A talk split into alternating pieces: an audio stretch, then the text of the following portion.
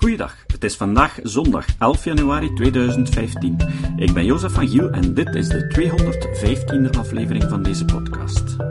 Vandaag horen jullie weer een opname uit De Nacht van de Vrijdenker. Deze keer horen jullie de lezing van Herman Boel. We hebben Herman Boel al eerder geïnterviewd naar aanleiding van zijn boek 666 leugens die iedereen gelooft. Dat boek is ondertussen ook in het Chinees vertaald en Herman heeft niet stilgezeten, want onlangs publiceerde hij het boek 555 feiten waar niemand iets aan heeft. En binnenkort komt er een nieuw boek van hem uit, genaamd 444. En de rest van de titel houden we nog als verrassing. De opname is niet van de kwaliteit die jullie gewend zijn. Deze lezing ging tegelijk door met het atheïsme-debat, die jullie in aflevering 209 en 210 hoorden. Bij gevolg heb ik mijn andere, minder goede opnemer moeten gebruiken, en doordat ik niet in beide zalen tegelijk kon zijn, heb ik geen ideale positie voor het toestelletje kunnen vinden. Er was nogal wat ruis, maar ik heb die proberen weg te werken tijdens het editen. Toch hoop ik dat jullie ervan genieten. Hier komt Herman Boel. Goedenavond beste mensen. Ongelooflijk uh, welgekomen op het begin van deze nacht van de Vrijdenker. Um, hopelijk zult u smullen van een aantal lekkere lezingen. Vergeet ook niet af en toe iets te nuttigen. Ik zie dat sommigen al goed bezig zijn. Um, ik ga een korte inleiding geven, want inleiders zijn vaak uh, minder interessant dan de spreker zelf. Um, vanavond luisteren we hier naar Herman Boel. hij is onder andere uh, de vertaler van het woordenboek van de Scepticus. Uh, hij is ook vertaler van, van beroep. Um, is een zeer interessant naslagwerk, raadpleeg ik ook af en toe. Als je eens geconfronteerd wordt met uh, vreemde overtuigingen of een vreemd fenomeen, dan is dat een, interessant naslagwerk om iets te raadplegen. Heb je direct een kritisch tekstje om je eerste ideeën te vormen. Hij heeft nog een aantal uh, andere boeken, zoals 666 leugens die iedereen gelooft. Um, en daarnaast nog wel een paar. Maar deze avond zal hij het hebben over waarom wij zo gemakkelijk in mythes of in complottheorieën geloven. Um, ja, misschien uh, zult u zelf betrappen dat u zelf wel uh, een of andere complottheorie aanhangt. En dan is dat toch zeker een nuttige uh, lezing geweest. Herman zal zelf ook um, wel wat vragen stellen aan jullie. Maar uh, als jullie aan hem vragen willen stellen, dan kan je het na de lezing, dus tijdens de lezing, uh, is het niet, uh, ja, worden er geen vragen gesteld, kun je hieronder een meet and greet met Herman hebben en dan kan je dan persoonlijk vanaf 9 uur tot 9 uur 30 een aantal vragen stellen. je hebt ook nog een filosoof um, aan de andere kant van het gebouw, waar je kan Socratische gesprekken hebben met Alex Klein of dat u een filosofisch consult kunt vragen bij, um, ja, eventjes de naam. Maar uh, dus aan de andere kant zijn er ook nog activiteiten. Maar dan wil ik nu het graag geven aan Herman. Iedereen verstaat mij goed. Goed. Um, ik zal dichter, dichter bij mij houden. Goed.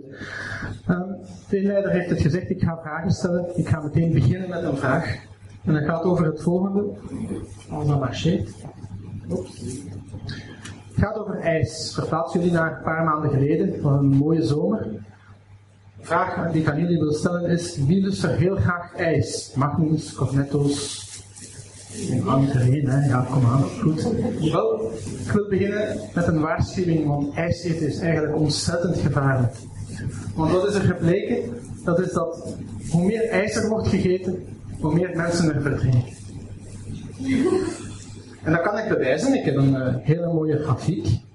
En die toont mooi dat hoe groter, hoe hoger de verkoop van het ijs, hoe meer mensen er verdrinken. Maar goed, ik ben hier in Gent. Ik neem aan dat de mensen van Gent iets intelligenter zijn dan de rest van het land. Is er iemand die weet welke fout hier wordt gemaakt? Welke denkfout?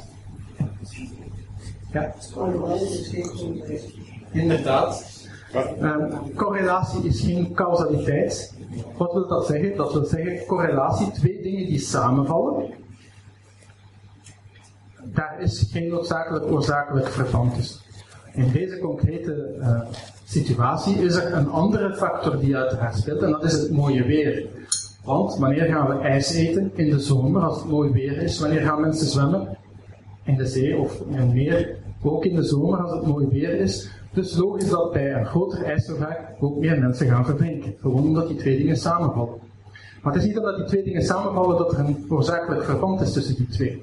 En dat is hetgeen, het eerste waar ik het vanavond wil over hebben. Uh, ik ga nog een paar voorbeeldjes geven, dus dat is het, uh, de andere factor.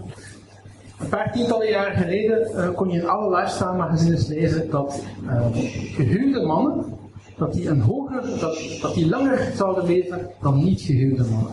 En dat vrouwen die eigenlijk gehuwd waren met een man veel geluk hadden, want hun man zou langer leven dan waren ze er niet mee gehuwd.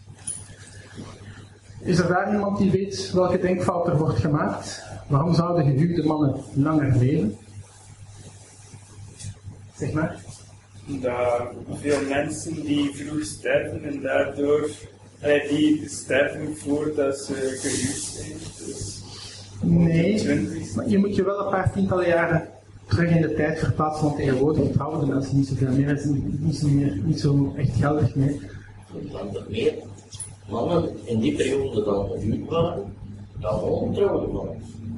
Er waren er meer, dus de man zelfs langer leven was Ja, niet helemaal. Eigenlijk kwam het omdat um, welke mannen huwden, dat waren eigenlijk in de eerste plaats de mannen die goed opgeleid waren. Die goed, uh, goed opgeleid betekende ook goede gezondheid.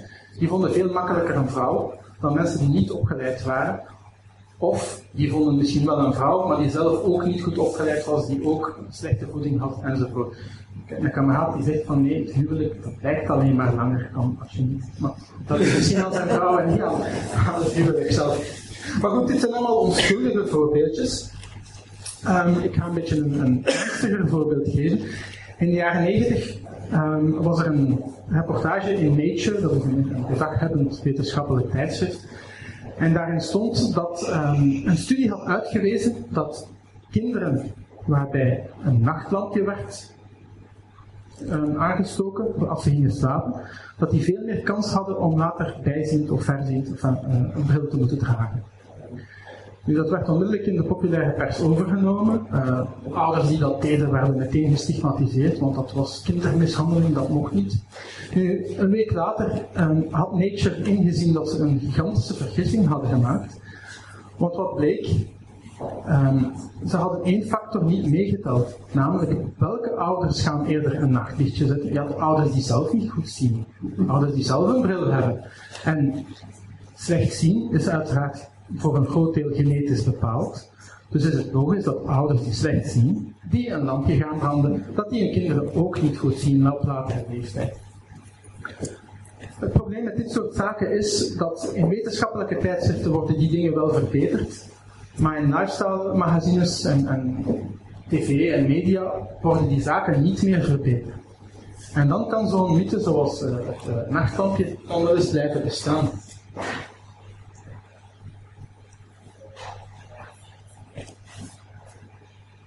Nu, een van de uh, andere redenen waarom correlatie en causaliteit zo belangrijk is, is gewoon ons selectief geheugen. Denk bijvoorbeeld aan uh, de voetballer die een uh, geluksonderbroek heeft. En elke keer dat hij een match gaat spelen, doet hij die broek aan, want dan speelt hij goed. Dat heeft allemaal met ons selectief geheugen te maken. Want, wat, wat is er gebeurd? Die man heeft één keer een hele goede match gespeeld. Had toevallig toen die broek aan en wees uh, de fabuleuze voetbalresultaten aan die onderbroek. Dus dat doen we zelf ook. We hebben um, hangertjes of ringen of kettingetjes of weet ik veel wat. Ik betrap mezelf ook, ik heb ook een hangertje. Dat als ik um, ga sporten, uh, ik speel badminton, als ik, het hangertje zichtbaar is, dan lijkt ik minder goed te spelen dan wanneer het in mijn t-shirt verborgen is. En wat gebeurt er dan? Dan heb je een soort van visual thinking effect dan uh, als ik merk dat het hangertje uit mijn t-shirt hangt, dan ga ik ook effectief minder goed gaan spelen. Dat heeft niks met dat hangertje te maken, dat heeft gewoon met mijn hoofd te maken en met hoe ik nadenk. Maar dus dat is allemaal correlatie, causaliteit, dingen die samenvallen, maar die niet noodzakelijk, noodzakelijk verband hebben. Dus, wat eigenlijk mijn eerste besluit is, als je ergens in een krant of in een magazine of blad, waar dan ook, of op het internet, een conclusie leest over twee dingen die een noodzakelijk verband zou hebben, denk dan even aan ijscream en denk even na van, is het niet mogelijk dat hier toch andere factoren spelen en dat dat verband eigenlijk helemaal niet klopt. Goed, dat was eigenlijk het eerste onderdeel. Dus de bedoeling is van vanavond is dat ik uh, jullie ga uitleggen wat de verschillende oorzaken zijn waarom er mythes ontstaan en wat je er kan tegen doen. Dus in dit geval goed nadenken, dat is meestal de beste oplossing trouwens. Als we even naar de mens zelf kijken, heel algemeen, dan uh, zeker wie kinderen of kleinkinderen heeft, die weet dat uh, kinderen vanaf een bepaalde leeftijd ontzettend veel vragen stellen. De meest gehoorde vraag is waarom. En uh, er zijn kinderen die dat honderd keer per dag stellen. Terwijl, is dat zo? Even zo voor jongs echt Zijn het wel? Nee, ik denk dat dat een algemeen verschijnsel is. Ik weet niet of dat uh, geslachtelijk bepaald is. En het vorige van de aanwezige vrouwen, dat zijn er ook. Waarom vragen? Hoe je het dan? Ik denk dat alle kinderen die vragen stellen. De ene meer dan de andere. Maar goed, waarom stellen ze die vragen? En daar, daar wou ik eigenlijk toe komen. Waarom stellen ze die vragen? Dat is gewoon om controle te krijgen op, op het leven rondom zich. Ook om dingen bij te leren. Want elke vraag, elk antwoord leidt tot een nieuwe vraag. Dat is de reden ook waarom dat wetenschap groeit, waarom dat we naar de maan gaan, waarom dat we medicijnen ontwikkelen enzovoort. Wat staat daar tegenover? Daar tegenover staat uh, verenigingen, groeperingen waar helemaal geen vragen zijn toegelaten. Dan denken we bijvoorbeeld aan sectes. Dan denken we aan bepaalde alternatieve geneeskunde waar uh, geen vragen zijn toegelaten, waar gewoon, dogma waar gewoon dogmatisch wordt uh, verder gedaan. Die hebben het nadeel dat ze niet ontwikkelen. Dus vragen stellen, antwoorden vinden, antwoorden zoeken, is heel belangrijk voor de mens om evolutie te kunnen doormaken. Een van de, um, een van de regio's of domeinen waar vragen moeilijk liggen, is godsdienst. De mens heeft zich altijd in het verleden vragen gesteld en vragen waar ze geen antwoord op konden vinden, daar gingen ze te raden bij de goden. In dit geval heb je um, Thor met zijn hamer Mjolnir. En Thor was de dondergod en die zorgde voor de donder en de bliksem met zijn hamer. Op die manier konden de mensen een verklaring geven voor de verschijnselen die ze tegenkwamen. Nu, naarmate dat de wetenschap ontwikkelde, was dat uiteraard minder nodig. Dus de Germaanse filo... Uh, bij het woord de goden, ja, de Germaanse goden, die um, hebben we nu niet meer nodig, want we weten ondertussen hoe het allemaal in elkaar zit. Maar er zijn nog leuke dingetjes bij godsdienst. Uh, ik ga zelf niet over godsdienst praten in zich, dus uh, of dat je in godsdienst gelooft of niet, dat moet je zelf maar kiezen. Maar laten we even naar de islam gaan. En iedereen kent het gezegde dat als je als terrorist uh, zelfmoord pleegt, dat je dan 72 maanden meekrijgt naar de hemel, naar het paradijs. Nu, klopt dat? Ja, dat weet ik niet, ik ben geen terrorist. Maar wat zegt de Koran? De Koran zegt eigenlijk dat iedereen maanden meekrijgt naar het paradijs. Dus of je een terrorist bent of niet, dat uh, heeft helemaal geen belang. De Koran geeft ook zelf geen getal op zodat het er nu twee zijn, of tien of twintig, geen idee.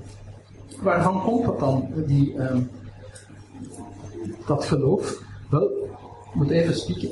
Dat komt eigenlijk uit een hadith. Een hadith is eigenlijk, uh, zoals als je hier in, ons geloof uh, een, bischop of een kardinaal hebt die het een of ander verkondigt, dan heb je de imams in, uh, de, islam die hadiths verkondigen. Hadiths zijn eigenlijk, is uitleg van de leer van Mohammed.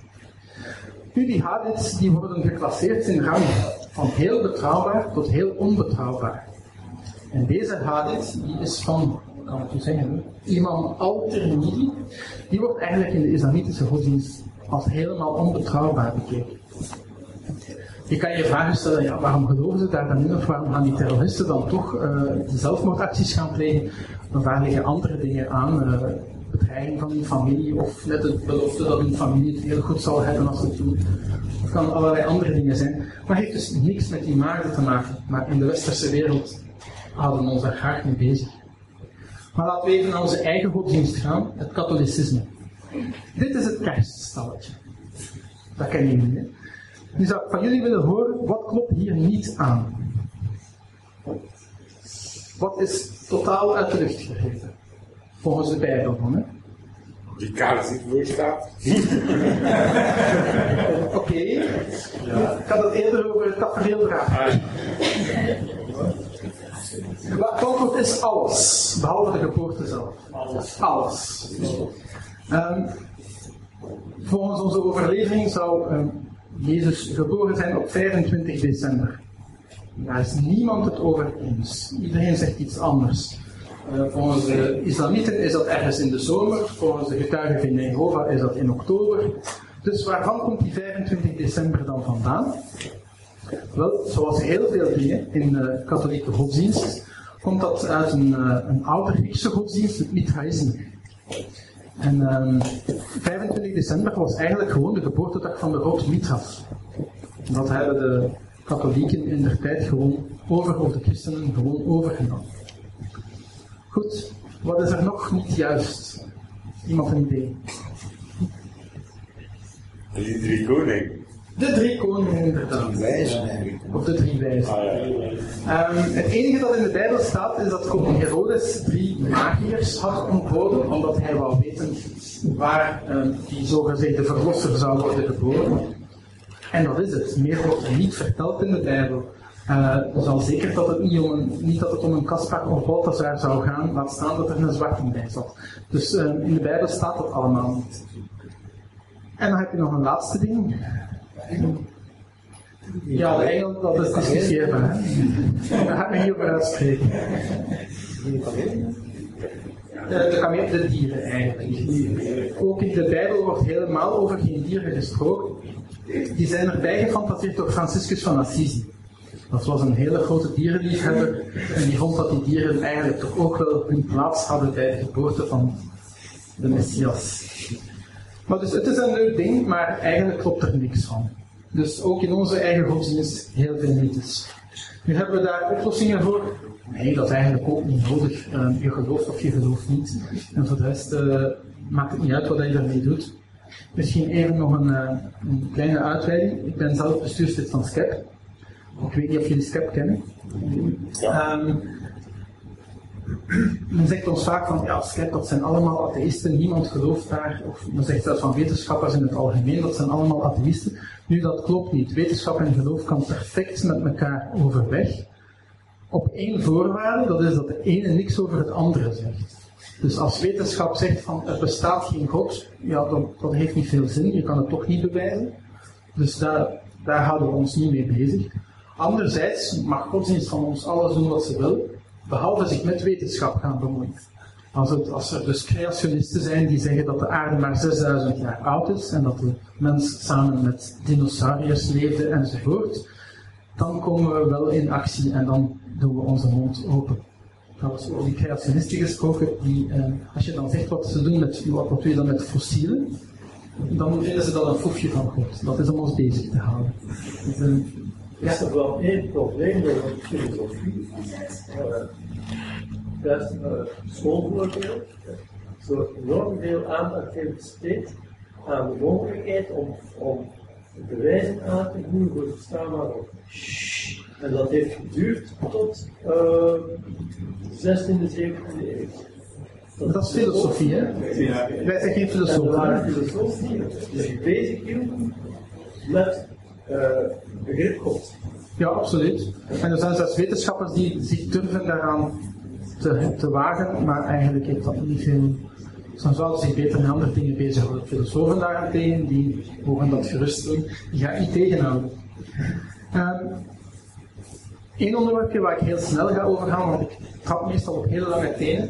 Ehm, wat een, een hele belangrijke oorzaak voor heel veel mythes is de pseudowetenschap. Dan heb ik het over acupunctuur, over eh, homeopathie, maar dan heb ik het evenzeer over astrologie en mediums. Ehm, nodeloos om te zeggen dat dat voor ons allemaal kwakzalverij is. Uh, met misschien een uitzondering voor een stukje osteopathie, uh, waarvan wel bewezen is dat het wat werkt, maar al de rest daar moeten we niet van weten. Uh, je hebt misschien een paar weken geleden in het uh, televisieprogramma Lichaam van Koppels gezien dat er acupunctuur werd gebruikt om um, pijnsignalen naar de hersenen tegen te houden. Ik weet niet of jullie dat gezien hebben. Um, dat kan. Met acupunctuur kan je inderdaad met naalden te steken die pijn tegenhouden. Dat is één ding, dat kan je wel. Uh, het feit dat het dan maar van tijdelijke aard is, want één keer dat je die naalden weghaalt, gaat die prikkel wel weer naar de, de hersenen. Uh, wat je niet kan met acupunctuur is ziektes genezen. En met homeopathie jammer genoeg nog minder. Uh, maar daar ga ik niet te veel over bezighouden, want er zijn meestal mensen in de zaal die daar nogal gevoelig voor zijn als ik daarover begin. Um, en die kan ik toch niet overtuigen. ik ga dan even naar mijn eigen uh, vakgebied, vertaling, vertalen. Er zijn heel veel vertalingen die tot mythes hebben geleid. Dit is een van de mooiste, het getal 666, het getal van, de beest, van het beest. Um, in die mate doorgedrongen dat er bijvoorbeeld in het Europees Parlement geen zitje 666 is. Dat wordt overgeslagen. Nu, de oudste, de oudste kopieën van de Bijbel die men gevonden heeft, heeft het niet over 666, maar over 616. Dat zitje bestaat wel in het parlement. Ik weet niet wie erop zit. Maar um, wat is er gebeurd? Heel waarschijnlijk, dat speculatie, heel waarschijnlijk een of andere monnik die bij het kopiëren zei van 616 is een heel stom getal, laat ik er drie zessen van maken. Maar goed, dus 666, je hoort het overal, maar het klopt eigenlijk langs geen kant. Dus dat mag je gerust aan je familie vertellen. Een ander dingetje zijn sprookjes. Um, ik heb het dan over Assepoester in dit geval. En waarvan kennen we Assepoester? Van de glazen muiltjes. Alleen al als je goed, gezond nadenkt, dan weet je glazen muiltjes, dat kan niet. Je kan daarop onmogelijk stappen. Zeker als het dan nog met hakken moet. dat kan onmogelijk. Dat waren oorspronkelijk ook geen glazen muiltjes. En daar zie je wel de juiste versie, en dan is het uh, de VR, V-A-I-R. En dat is een eekhoornbond of zoiets, of, of een of ander bond. Um, en wat is er gebeurd? Charles Perrault is, uh, dat was een Fransman, die heeft heel veel sprookjes een moderne vorm gegeven voor kinderen, want sprookjes waren oorspronkelijk, dat weet ik niet zo van sprookjes waren oorspronkelijk voor volwassenen geschreven. Um, en daar kwamen nogal heel gruwelijke dingen in, heel veel verkrachtingen en zo. Um, zelfs in moderne vorm is het nog wat gruwelijk. Denk aan Hans en Grietje die daar de heks uh, verbranden in de oven. Uh, maar goed, Charles Perrault die had niet de V-A-I-R gelezen, die had de V-E-R-R-E gelezen. En vandaar komen dan de glazen muiltjes. Dat is niet het enige dat hij heeft verzonnen. Ook de pompoen en de muizen en heel uh, dat gedoe van 12 uur heeft hij er allemaal zelf bij verzonnen. Goed, we gaan naar het volgende. Ik ga snel omdat de tijd nogal beperkt is. Nog een oorzaak van mythes zijn gezagsargumenten. In de 13e eeuw had je bij ons Jacob van Marek, dat was een dichter. En die zei heel vaak van, kijk, dat is zo, want Aristoteles heeft dat gezegd. In die tijd, Aristoteles, dat was een naam als een blok. Als je zei dat Aristoteles dat had gezegd of beweerd, dan klopte het ook wel. Nu, dat gebeurt nu ook. We zeggen heel vaak van, ja, dat is zo, want ik heb het in de krant gelezen. Of dat is zo, die heeft dat gezegd op tv. En uh, misschien nog de meest moderne vorm, ik weet niet of jullie het toepassen, is als je uh, met iemand discussieert. Dat is dat je naar Google gaat kijken en dat de ene zegt, ja, maar mijn oplossing heeft meer hits dan die van jou. Dus dan wordt Google een gezagsargument. Um, uiteraard heeft het aantal hits niks te maken met waarheid of onwaarheid heeft ook medium dat een verklaring doet niks te maken met is het waar of is het niet waar. Dit is eigenlijk heel moeilijk. Um, je hebt bijvoorbeeld ook op het nieuws komen heel vaak zogezegde experts aan het woord, dat zijn dan economen bijvoorbeeld, die van alles zeggen, maar dan is de vraag van klopt het wat die mensen zeggen of klopt het niet? En dan zou je eigenlijk moeten gaan onderzoeken waarom zeggen ze dat, voor wie werken ze, iemand als Paul de Gouwe, die alles van werknemer werkgever verandert, die begint dan ineens helemaal andere dingen te zeggen. Je moet eens. Dus eigenlijk als iemand iets verklaart op tv, zou je, of als iemand iets beweert in de krant, zou je moeten gaan zeggen waarom zegt hij dat, wie is dat, van waar, wat is die zijn achtergrond enzovoort. Maar dat is voor ons heel moeilijk. Wij kunnen eigenlijk niet anders dan gewoon aanvaarden dat wat die persoon zegt, dat dat juist is. Dat is niet slecht om er eens over na te denken. Herhaling. Dat wordt ook heel veel gebruikt, misschien vooral in de politieke wereld. Ehm, als mensen zeggen van ehm, ja, met die partij wordt het chaos. Ik zeg maar iets. Dat wordt elke keer maar herhaald. Waarom? Omdat ze weten dat hoe vaker je iets herhaalt, hoe meer kans dat er mensen zijn die het gaan beginnen geloven. Dat gebeurt ook bij folkloristische fetes. Ehm, nee, ik weet niet hoe het bij Gent zit, maar ik neem aan dat Gent altijd zegt dat die van Antwerpen dat dat dikke nekken zijn. En als je dat genoeg blijft zeggen, gelooft iedereen dat. In mijn geval, ik kom uit Aalst. We hebben nogal een, een vete met Dendermonde. Ehm, voor ons is Dendermonde geen stad, maar een dorp. En is hun paard niet het echte paard, is ons paard het echte paard. En dat blijft zich elke generatie maar herhalen. En iedereen gelooft dat ook echt dat dat zo is. Ook al is daar niks van aan. Maar dat zijn allemaal ook onschuldige dingen. Dus wat kan je hier doen? Eigenlijk moet je hierop letten van de persoon die dingen altijd herhaalt, levert die soms nog extra argumenten. Als die dat niet doet, als die echt altijd maar hetzelfde blijft zeggen, dan is de kans groot dat wat hij zegt, dat dat toch maar eh, niet al te veel waarheid zal bevatten. Dus daar kan je je een beetje op baseren. Is herhaling ook niet de basis van religie? En vooral de boekreligies? Ja, die, die, die gebruiken die techniek uiteindelijk ook. Denk aan de catechismus in der tijd. Nu wordt die niet meer gebruikt, denk ik. Maar, naar de mis, eh, dagelijks vijf keer bidden enzovoort. Ja. ehm, in sommige godsdiensten nog veel meer dan bij ons. Wij zitten al iets verder. Ehm, interpretatiefouten, dat gebeurt ook heel veel. Hier zie je Michael Jackson, die ken je wel. Ehm, in dit geval, wat is er gebeurd? Ehm, hij had bij een, eh, bij een bezoek aan een ziekenhuis, hij had, wat, een ziekenhuis bezocht en hij had die een speciale drukkamer cadeau gegeven. Allemaal mooi. Natuurlijk, wat doen journalisten van, allee, man, ik ga er een keer in liggen dat we een schone foto hebben. En hij ging dat dus doen. En wat stond er de dag daarna allemaal in de kranten? Michael Jackson gebruikt een drukkamer om jong te blijven uitzien. De typische tabloidpers had weer toegeslagen. Dus dat gebeurt heel veel. En waar we er nog het meeste in zien, is in, is, is in films. Films zijn een gigantische bron van mythes en van verkeerde ideeën en misverstanden. Denk bijvoorbeeld aan James Bond, die uit het vliegtuig springt. Wat zien we bijvoorbeeld? Ten eerste, James Bond is perfect in staat om alvallend een gesprek te voeren met degene die naast hem zit. Nu, kan in het echt niet, want de lucht passeert aan zo'n snelheid, tenzij je gigantisch kan schreeuwen, kan dat gewoon. Je ziet James Bond ook vaak vechten terwijl hij valt met een parachute. Je moet het maar eens proberen, maar dat ga je niet lukken. En wat nog het leukste is, stel dat hij zijn parachute opent, dan zie je hem naar omhoog gaan. En er zijn er heel, zeker kinderen, er zijn er heel veel die denken dat als je de parachute opent, dat je dan eerst een stukje naar omhoog gaat. Maar ik neem aan dat jullie wel weten wat er echt gebeurt. Of moet ik het uitleggen? Stop maar. De cameraman die doet zijn parachute uiteraard niet open, dus die blijft aan dezelfde snelheid vallen. Degene die zijn parachute opent, valt plots aan een tragere snelheid en lijkt dus tegenover de cameraman te stijgen de lucht in te gaan. Want dat wisten jullie wel. Ehm, je hebt er nog andere. Ehm, een hele leuke ook is Cleopatra. Cleopatra, daarvan wordt gezegd dat een gigantisch knappe vrouw was.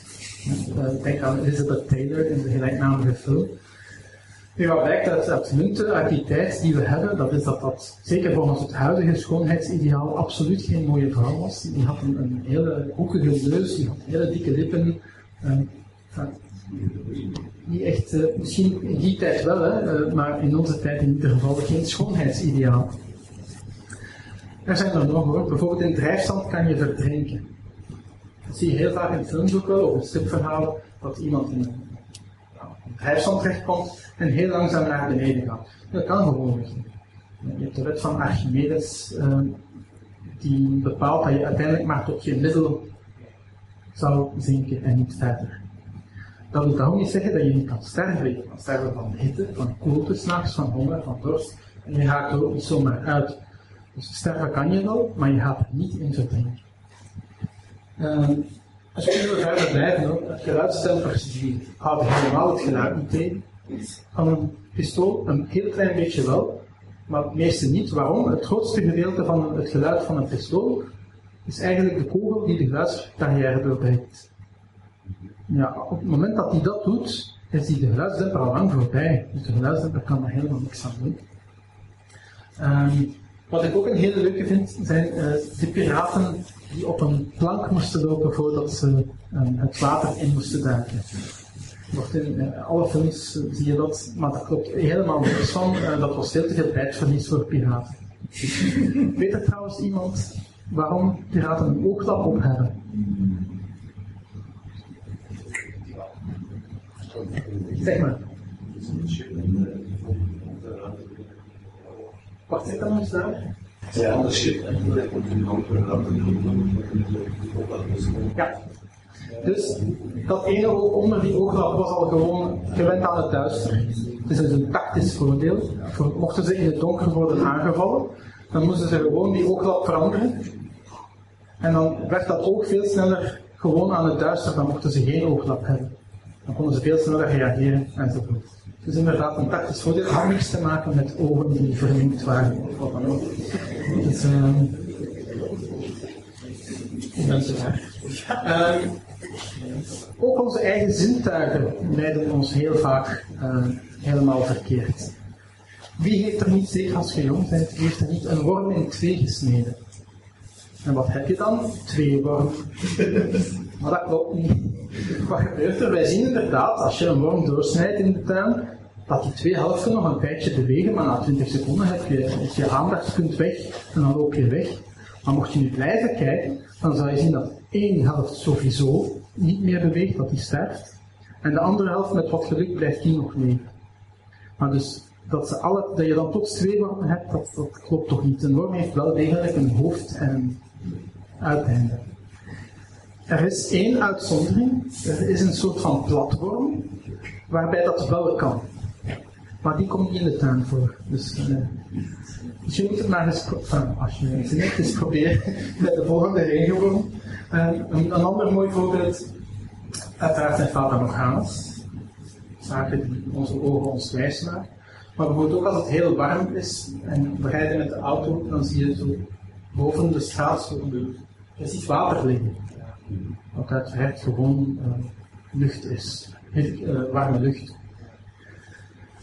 Dan komen we aan iets, uh, iets ernstiger dingen, en dat zijn complottheorieën. Nu, waarom geloven mensen in complottheorieën? Eigenlijk heeft dat alles te maken met willekeur. Uh, een mooi voorbeeld is uh, dat busongeval in Cercle in Zwitserland, waar al die kinderen ook uh, overleden. Nu, die ouders daarvan, en dat is heel begrijpelijk, die kunnen heel moeilijk aan, mensen in het algemeen kan heel moeilijk aanvaarden dat iets zomaar gebeurt dat dat toevallig gebeurt. Er moet een reden zijn. Was het een technisch mankement, of de chauffeur die dronken was, of uh, weet ik veel wat. Er zijn verschillende uh, theorieën geopperd. Maar de meest waarschijnlijke is gewoon pech, toeval. En daar kunnen mensen heel moeilijk mee om. Um, denk bijvoorbeeld ook aan de Twin Towers in de Verenigde Staten. Uh, daar werden meteen complottheorieën aan voor ontwikkeld. Zoals bijvoorbeeld, um, er waren zelfs mensen die berekeningen begonnen te doen, die zeiden dan, dat op de grond ligt kan onmogelijk van een volledig gebouw zijn geweest.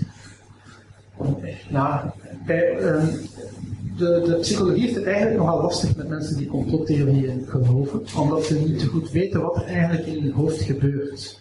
Misschien is dat een goede vraag voor de filosofen straks. Um, en, want wat, wat blijkt ook is dat mensen die in complottheorieën geloven ook in tegenstrijdige theorieën geloven. Zo, toen Osama bin Laden was gedood, waren er mensen die tegelijk geloofden dat hij eigenlijk nog leefde. En anderzijds ook geloofden dat hij dood was. Hoe het gebeurt, hoe het kan, ik weet het niet, maar dat komt heel vaak voor. Ehm, er zijn natuurlijk mensen die helemaal geschikt zijn. We hebben, eh, we hebben een eigen voorbeeldje hier in Vlaanderen. Ehm, een oud-burgemeester van Evergem, um, Verreken, van CDNP dacht ik, die was ervan overtuigd dat de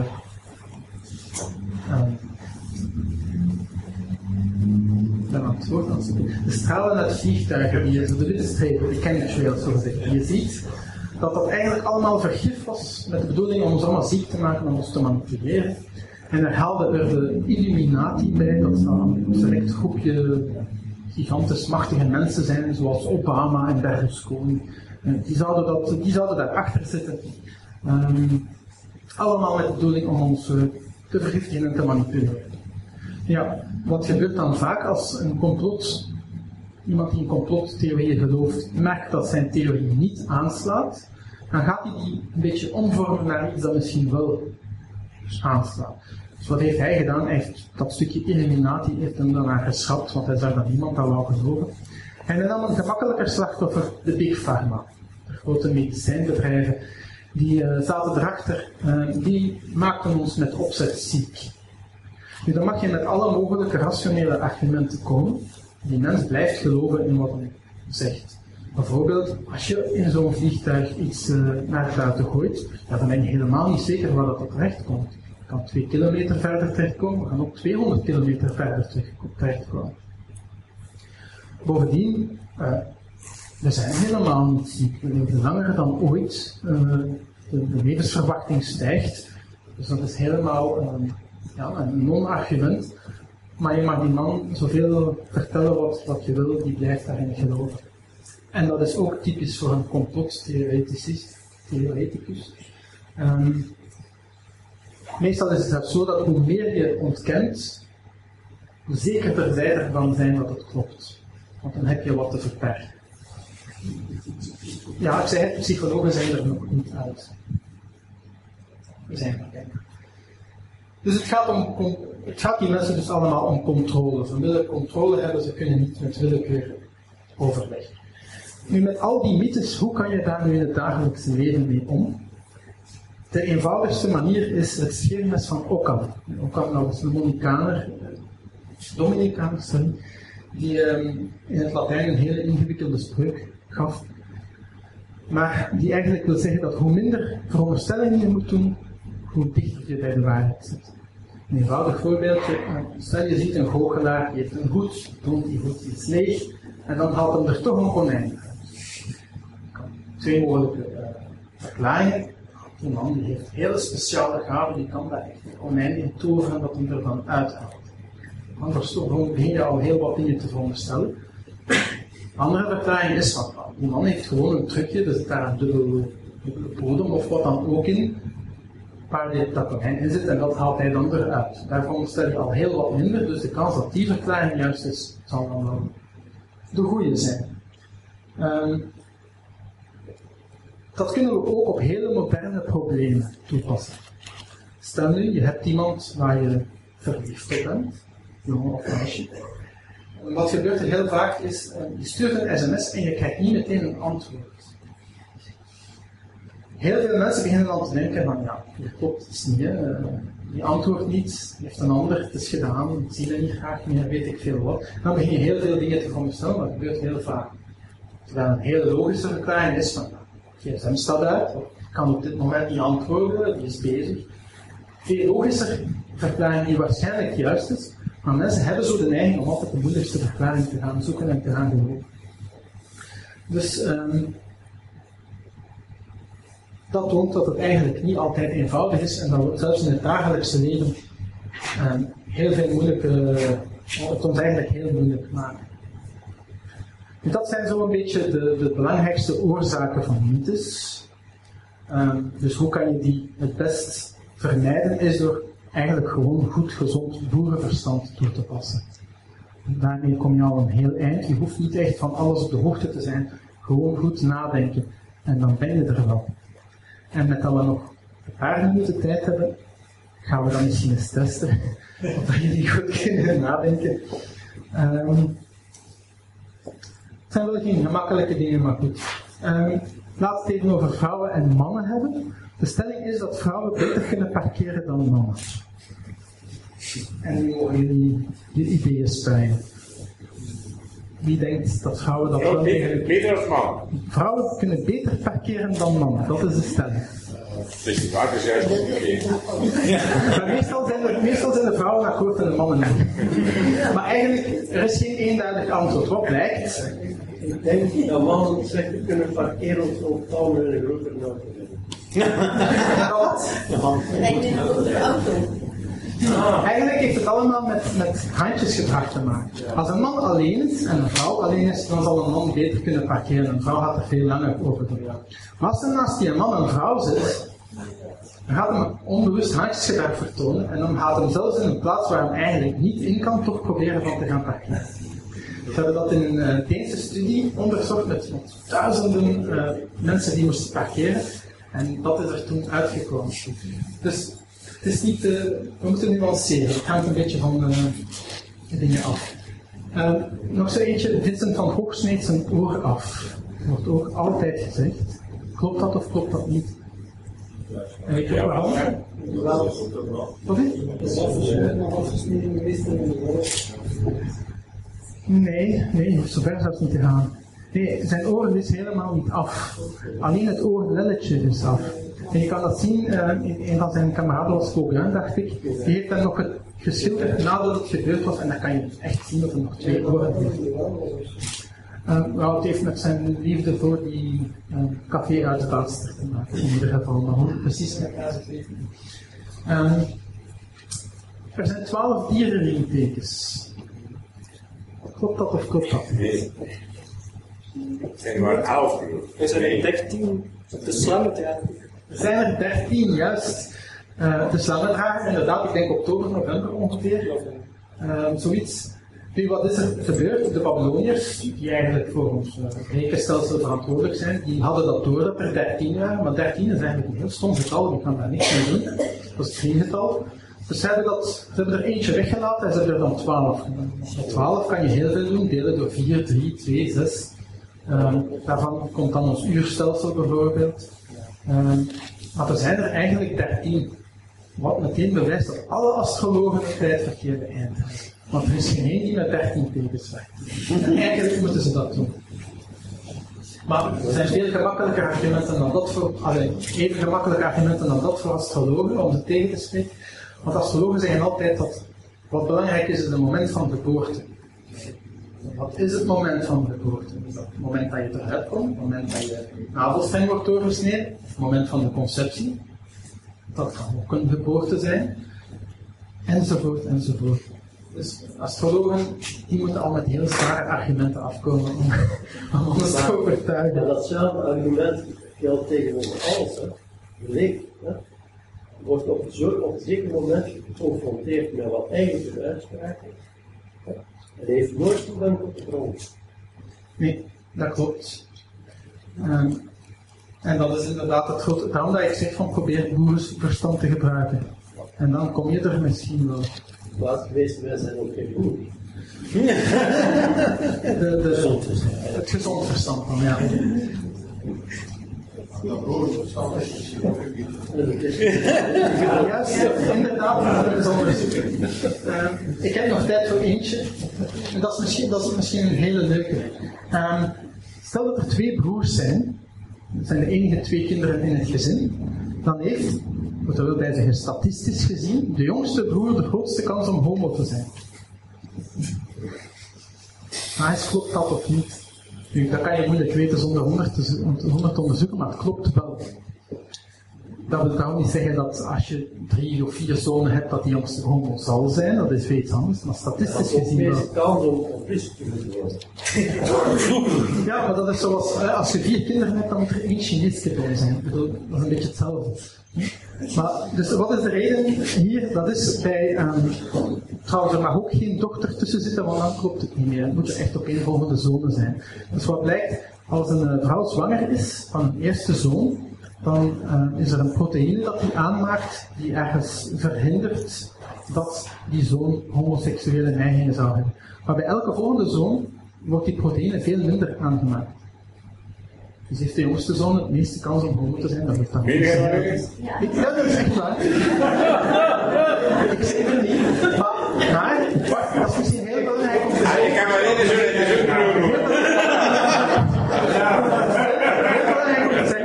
Je hoeft, mij, je hoeft mij nooit, maar dan ook nooit te geloven. Ik heb het liefst dat je het zelf gaat onderzoeken eh, en dat je dan je eigen conclusie trekt. Nee, dat is wel juist. Maar tweede, meer kans had op pisten moeten worden. Ja, ja, dat dan klopt. Dat zou kunnen. Dat heb ik zelf niet, nog niet gelezen. Ja. Dat gelezen. dat is- je dat de seksuele Ik ga je niet lezen. We moeten afronden. Dus ik ga nog even mijn besluit herhalen. Als je dingen hoort beweren. ehm, we hebben nog een. eh Carl Sagan heeft ooit gezegd, een astronoom, die heeft ooit gezegd. Hoe gekker de beweringen zijn, hoe meer bewijs er voor nodig is. En eigenlijk klopt dat in het dagelijkse leven ook. Eh, dus denk goed na bij alles wat je hoort. En dan, eh, dan komt het wel goed.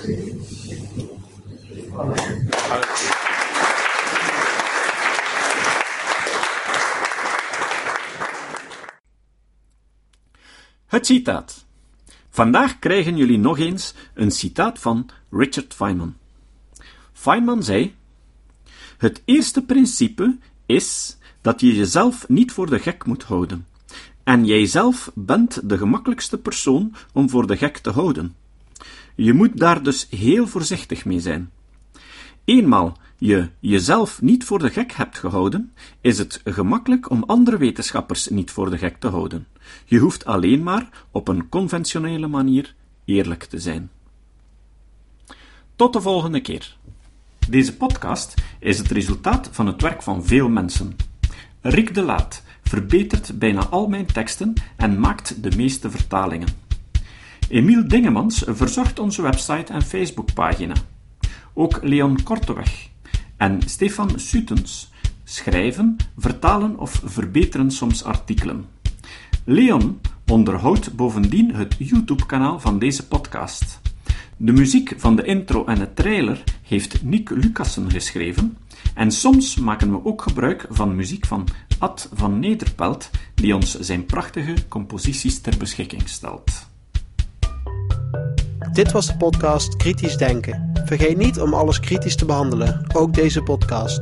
Voor verdere informatie over deze podcast, links en voor de tekst, surf naar www.kritischdenken.info. Als je deze podcast belangrijk vindt, kun je me steunen door anderen warm te maken ook eens te luisteren.